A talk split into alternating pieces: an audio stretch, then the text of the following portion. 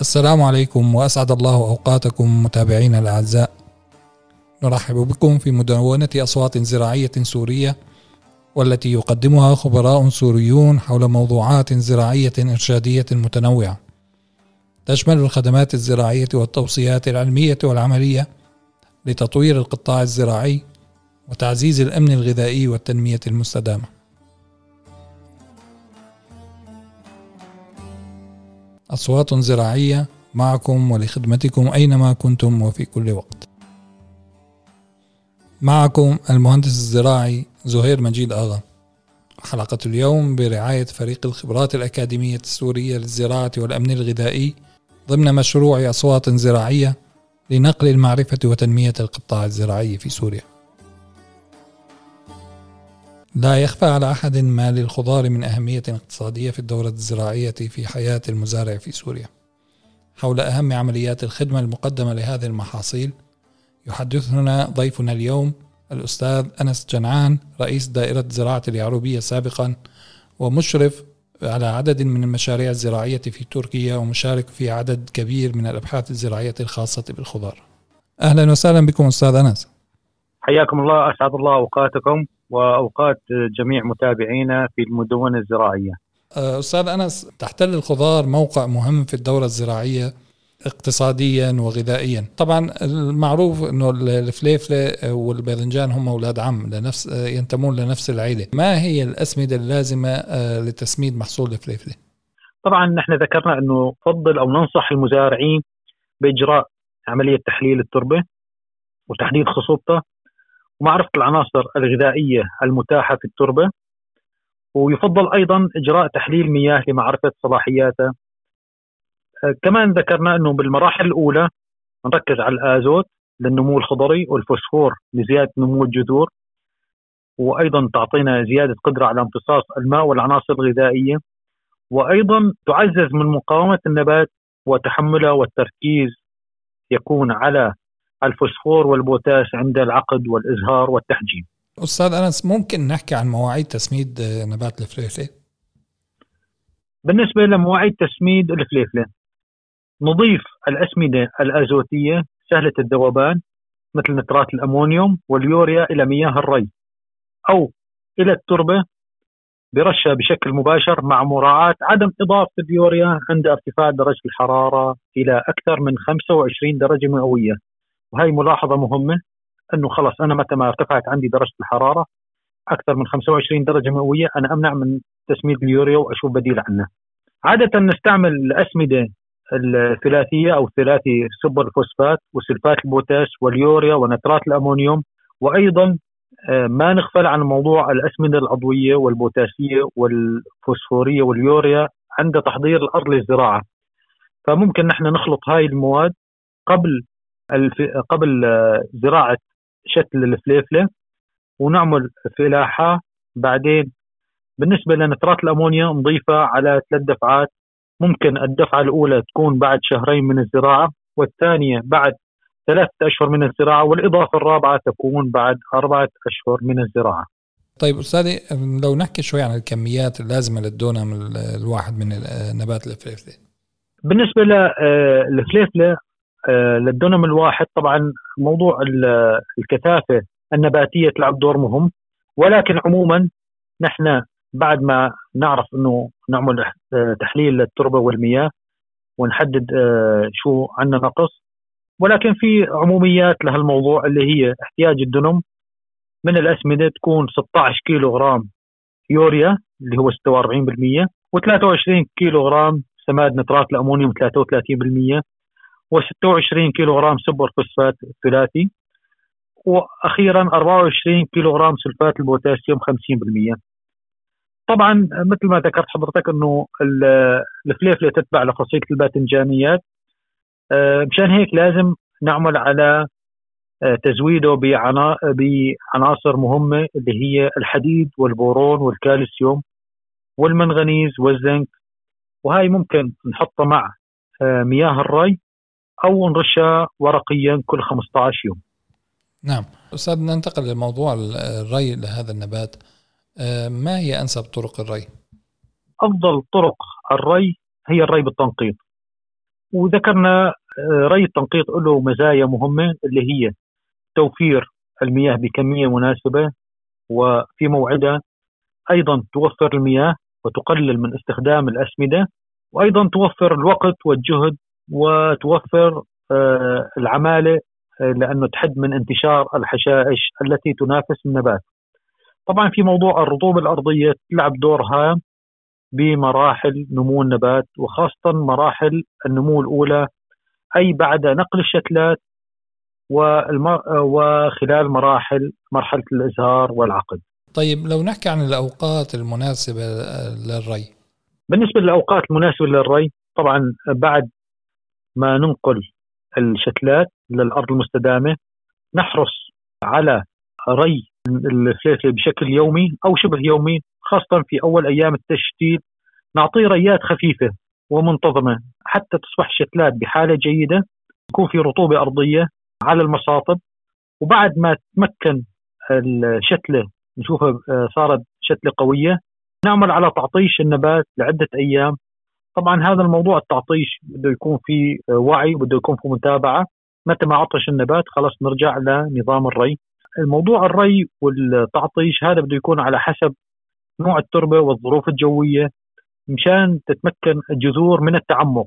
عملية التعطيش عادة آه، نعملها لحتى ما تبدأ بداية ظهور علامات الذبول. متى ما خلص لاحظنا إنه صار في بداية ذبول نبدأ بتطبيق برنامج الري. طبعا نفضل انه تكون كميات الري قليلة وعلى فترات متقاربة. يعني ممكن نعطي ريه كل يومين إلى ثلاث أيام حسب الظروف الجوية والرطوبة الأرضية وعمر النبات وحجمه. أما في الأيام الحارة يعني مثل الأيام في تموز وآب المفروض نعمل سقاية بشكل يومي. هاي بالنسبة للزراعة التقليدية. بالنسبة للبيوت المحمية بعد ما ينتهي الموسم ممكن نعمل غسيل للتربة لأنه بده يكون في نسبة من الأملاح غير ذائبة أو بدها تكون مترسبة على السطح العلوي للتربة. فيجب إنه نعطي ريات كبيرة ونتخلص منها عن طريق الصرف الجيد للتربة. أستاذ أنس حكينا من عن الموضوع التسميد العضوي وفوائده فبدنا نحكي شوي بالتفصيل أكثر عن حول عن هذا الموضوع. لو تشرح لنا عن التسميد العضوي وفوائده ما هو التسميد العضوي؟ ما هي فوائده؟ بالنسبة للتسميد العضوي موضوع مهم جدا وله مستقبل طبعا في عدة ميزات قبل ما ندخل بالميزات بالنسبة للسماد العضوي ينقسم لأقسام يكون مصدره أما نباتي يعني مستخلص من مخلفات نباتية 100% وممكن يكون مختلط نباتي وحيواني وممكن يكون سماد حيواني فقط. طبعا الاختلاف هاي بنسب العناصر المغذية والمصدر. أما بالنسبة لميزاته أو فوائده هي عديدة راح نختصر منها. هي ممكن تعمل على ترميم النقص في المواد الغير متوفرة في التربة. أيضا يمتص السماد العضوي ببطء فعادة يزود النبات بالغذاء حسب حاجته. وما له أي مضاعفات أو تسممات مثل الأسمدة الكيماوية. يعني النبات يمتص على حسب حاجته. من الميزة الثالثة اللي هي يعمل على زيادة مقاومة النبات وزيادة المحصول والمحصول يكون بشكل أفضل. طبعا هاي النتائج كلها تقارن بالأسمدة الكيماوية. من حيث فيزيائية التربة يعمل على تحسين امتصاص التربة للمياه والعناصر المغذية وأيضا يزيد من تهوية التربة وبالتالي تتحسن الجذور وتقل أمراض الجذور. في ميزة مهمة جدا اللي هي السماد العضوي اقتصادي ورخيص نسبيا بالنسبة للسماد الكيماوي. بشكل عام ننصح دائما باستخدام كل ما هو عضوي. لا سبب مهم اللي هو التوازن الحيوي لأنه الأخلال بالتوازن الحيوي بده يؤدي إلى أضرار بكامل النظام البيئي. كمان الموضوع المهم جدا اللي هو السماد العضوي عادة يكون رخيص. طبعا مثل ما ذكرنا السماد العضوي الحيواني اللي هو أغلبه متبع في مناطقنا بالعادة التربة تحتاج إلى مجموعة من الأسمدة. هاي الأسمدة تعمل على اكتمال نمو النبات و تخفف من إصابتها بالحشرات وتحسن جودة المزروعات. وممكن انه نستخدم الأسمدة الكيماوية أو السماد العضوي الحيواني. طبعا فنعتمد على الأسمدة العضوية والسماد الكيماوي ممكن يكون متمم والسماد العضوي الآخر غير النباتي في عندنا السماد العضوي المختلط اللي هو يكون نباتي وحيواني والسماد العضوي الحيواني. آه عفوا للمقاطعة أستاذ، ممكن تحكي لنا عن طبعا. أهم مصادر السماد العضوي الحيواني؟ طبعا بالنسبة لمصادره هي مصادر متنوعة آه، وهو ممكن الحصول عليه من مصادر طبيعية. هاي أغلب المزارعين يستخدموه بتقصيب التربة وله ميزات معروفة بشكل عام هاي المصادر معروفة اللي هي السماد البلدي وهو أشهر الأصناف الاسمده العضوية أكثر المزارعين يستخدموها منذ القدم هاي نحصل عليه من روث الماشية أو الابقار أو الخيل أو الحيوانات الأخرى وذكرنا إنه له فوائد آه، كبيرة جدا على تحسين نوعية المحاصيل وجودتها وأعدادها ولها قدرة على تغذية التربة بشكل جيد إذا استخدم بنسب مدروسة. المصدر الثاني هو سماد الدواجن يعني أصبح سماد الدواجن من أكثر الطرق المستخدمه لتسميد التربة وخاصة في المناطق اللي يزداد فيها مزارع الدواجن يعتمدوا عليه بشكل كبير. نعم أستاذ أنس دائما نحكي عن فوائد السماد العضوي وإيجابياته لكن هل هناك أضرار لهذا السماد ممكن تحكي لنا عنها كفني وأكاديمي؟ طبعا بالنسبة للسماد العضوي آه، ذكرنا أنه له فوائد كثيرة ولكن ممكن يكون له أضرار إذا استخدم بطريقة خاطئة. شلون الطريقة الخاطئة؟ الطريقة الخاطئة إذا استخدم السماد العضوي كان جديد وغير متحلل يعني بدون عملية كمر أو تحلل بده يؤدي إلى إصابات وأضرار للمحاصيل وللتربة. ممكن يسبب في انتشار حشائش ممكن يسبب في نيماتودا وأمراض فطرية أمراض بكتيرية للنبات أو للتربة طبعا إضافة المواد العضوية الغير متحللة إلى التربة كمان بده يؤدي إلى نقص الأكسجين وبالتالي يحصل اختناق للجذور النباتة وبالتالي ممكن أن يؤدي إلى فقدان النيتروجين بالتربة. طبعا الظروف اللاهوائية ممكن تركب مركبات سامة بالتربة تؤثر على نمو النبات وممكن تعمل له آه، تسمم. والمواد العضوية الغير متحللة كمان تزيد من عدد الميكروبات بدرجة كبيرة هذا يزيد نشاطه بالتربة آه، ممكن تؤدي إلى مهاجمة المادة العضوية نفسها والتربة مركبات التربة وتعمل على هدمها. طبعا إذا بدنا نسأل عن الحل شو هو الحل؟ الحل لازم نعمل عملية تعقيم يعني بالنسبة للسماد العضوي نعرضه للشمس مباشرة ونعطيه كمية من المياه على عدة مرات يعني شلون؟ أنا بدي أعطي مي وأخليه يتعرض للشمس أقلبه أخليه مشان يتحلل ويصير في عنده تحليل هوائي مشان أتخلص من جميع المسببات المرضية آه، عن طريق رفع درجة حرارته وأيضا مشان أستفيد من العناصر الغذائية الموجودة بالسماد. نعم أستاذ أنس أنا فلاح ما عندي اطلاع ما عندي معلومات فأنا نسيت ما أضيف سماد عضوي أو موضوع النثر متعب إلي بالنسبة لإضافة السماد عن طريق النثر اللي ذكرتمها يا ترى ممكن أنا أتدارك هذا الموضوع هل هناك طرق أخرى لإضافة السماد في أوقات لاحقة؟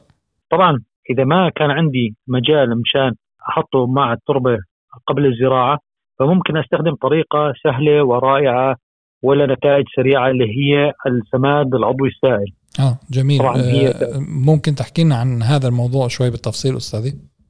شكرا أستاذي. طبعا هي من أسرع آه، أنواع الأسمدة العضوية. ذكرنا أنه نحن نجيب الأسمدة العضوية ونحطها بأكياس وهالأكياس آه، نحطها بأوعية أو براميل أو أحواض نملأها بالمي. ونتركها لعدة أيام قد تصل لأسبوع وبعد الأسبوع آه، نعمل على سقي هاي مستخلص المياه أو السماد السائل نعطيه مع مع مياه الري.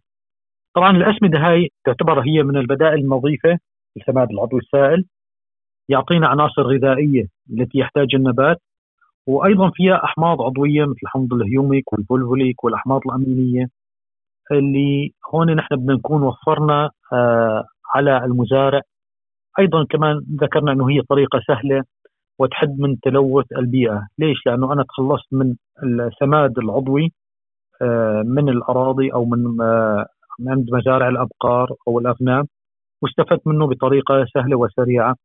أيضا كمان في له دور كبير في تحسين الصفات الفيزيائية والكيميائية والحيوية للتربة هذا كله بده يعطي صورة إيجابية وينعكس على مردود النباتات بشكل عام. آه، أعتقد آه، ممكن أنا أضيف إذا تسمح لي أنه هذه المواد أيضا آه، هي سهلة سهلة الامتصاص والنبات ممكن يستفاد منها بسرعة شديدة. هاي الأسمدة كمان تعمل على تحسين صفات التربة فيزيائيا وكيميائيا وحيويا حيث تجعل التربة أكثر هشاشة وتفتت وبالتالي تحسن من تهوية التربة. هذا يشجع آه، الجذور على النمو والانتشار وبالتالي تزداد قابليتها لامتصاص العناصر الغذائية من التربة. ولها دور مهم في زيادة جاهزية وامتصاص العناصر الغذائية حيث يساهم بعضها في بناء الكلوروفيل مثل النيتروجين والفوسفور والبوتاسيوم والحديد وغيرها. بالنسبة أيضا لموضوع الأسمدة العضوية تقلل من مشاكل الملوحة الزائدة. وهي الملوحة قد تتسبب في سمية النبات وبالتالي احتراق الجذور الناتجة من زيادة الملوحة. آه، طيب أستاذ أنس آه، يتوارد كثيرا في الأوساط الزراعية مصطلح جديد اسمه ال vermicompost حبذا لو تحدثنا عن هذا الموضوع. بصراحة هذا الموضوع مهم جدا وبالفترة الأخيرة أخذ صدى رائع جدا. ال vermicompost يعتبر من أقوى الأسمدة العضوية الحيوية بالعصر الحديث. اللي هو ال vermicompost هو فضلات الدود دود الأرض. طبعا في آه، أصناف مستوردة منه إله ميزات رائعة جدا من حيث سرعة التكاثر وإنتاج. فضلات مهمة جدا. حيث هذا الدود يعمل على يتغذى على المخلفات العضوية ويتم معالجته في جهازه الهضمي ويفرز أنزيمات وهرمونات وأحماض أمينية من داخل جسمه. بالنسبة لل vermicompost كمان يحتوي على مليارات من البكتيريا المفيدة للتربة آه، وللنبات أيضا وله فوائد عديدة جدا بالنسبة لل vermicompost يعتبر هو خليط عضوي من العناصر الكبرى والصغرى أيضا وجود هرمونات نباتية طبيعية مثل الأكسينات اللي نعرف دوره رائع جدا بالنسبة للنبات وأيضا بعض الأنزيمات والأحماض العضوية المهمة للنبات. طبعا آه، في شغلة مهمة جدا أنه ال vermicompost يكون غني بالكائنات الحية الدقيقة آه، من بكتيريا وفطريات تعمل هاي البكتيريا النافعة والفطريات وتثري التربة وتعمل على إعادة احيائها، طبعا التربة عندنا فيها مشاكل عديدة فموضوع ال vermicompost آه، إن شاء الله يحل هاي المشاكل. كمان بده يؤدينا إلى زيادة خصوبة الأراضي ويعطي آه، مقاومة أكثر للنبات. وبالتالي يزيد قدرة التربة على الاحتفاظ بالماء والعناصر الغذائية ويحسن خواص التربة أيضا. بالنسبة لموضوع البذور وانباتها في تجارب عديده آه، أجريت بينت إنه استخدام ال vermicompost يعطي زيادة بسرعة الانبات وفي قسم كبير من المشاتل اللي يستخدم هاي الميزة أيضا زيادة إنتاجية المحاصيل بأنواعها آه، عند استخدام ال vermicompost وبالتالي زيادة نسبة المادة العضوية وتيسير امتصاص النبات للعناصر الغذائية. طبعا هي تساعد أيضا على تهوية التربة. هاي بعض فوائد ال vermicompost. آه نعم أستاذي آه أستاذ أنس آه قبل ما ننهي هذا اللقاء الشيق وحضرتك تكلمت بشكل موسع عن موضوع الأسمدة العضوية حبذا لو آه توضح ما هي أضرار التسميد الكيماوي وتقدم بعض النصائح للأخوة الفلاحين بالنسبة للتسميد الكيماوي له أضرار عديدة هو إخلال توازن الحيوي أيضا ترك تراكم مركبات زائدة بالتربة والنبات. من ميزات التسميد الكيميائي هو سريع التأثير والامتصاص وبالتالي أنه وجود أي كمية زائدة ممكن أن تكون متراكمة وتبقى متراكمة في التربة. طبعا هذا له أثر بالمستقبل على التربة وعلى النبات وعلى الإنسان. السماد الكيماوي أيضا يقتل الأحياء التي تعيش في التربة. واللي لها دور مهم جدا في تحليل المادة العضوية وتفكيكها. والتسميد بأي عنصر سوف يؤدي إلى عنصر آه، إلى نقص عنصر آخر ممكن يكون مهم للنبات. فموضوع التوازن بالتسميد كمان هذا موضوع مهم جدا لأنه في أسمدة تكون مضادة لأسمدة أخرى أو تجعل الأسمدة الثانية غير متاحة للنبات، هي تكون موجودة بالتربة ولكن تكون غير متاحة للنبات. أيضا الأسمدة الكيماوية تعمل على أضعاف التربة مع الزمن. ونعرف إنه كمان سعرها مرتفع بالنسبة للأسمدة الكيماوية. بشكل عام ننصح باستخدام الأسمدة العضوية مشان نحافظ على التوازن الحيوي لأنه الإخلال بالتوازن الحيوي بده يؤدي للضرر بكامل النظام البيئي سواء النباتات ولا التربة ولا الحشرات ولا الحيوانات ولا الإنسان. فعادة ننصح باستخدام الأسمدة الكيماوية في حالة النقص. يعني لما نشوف آه، نقص عنصر معين على النبات. نحاول نستخدم السماد الكيماوي ولا الباقي نستخدم الأسمدة العضوية ونحاول التركيز عليها.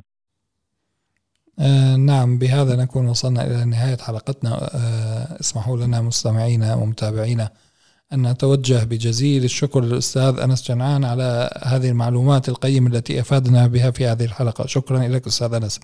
حياكم الله أستاذ زهير. شكرا لك وشكرا للمتابعين مدونة الزراعية الصوتية. كما أتوجه بالشكر لكم متابعينا والفريق الإداري والتقني لمدونة أصوات زراعية. يسعدنا التواصل معكم عبر مواقعنا على الإنترنت ووسائل التواصل الاجتماعي على تويتر كما نرحب برسائلكم ومقترحاتكم لمواضيع ترونها مهمة. لتغطيتها في حلقات قادمة بعون الله. نستودعكم الله ونتمنى لكم مواسم خير وبركة.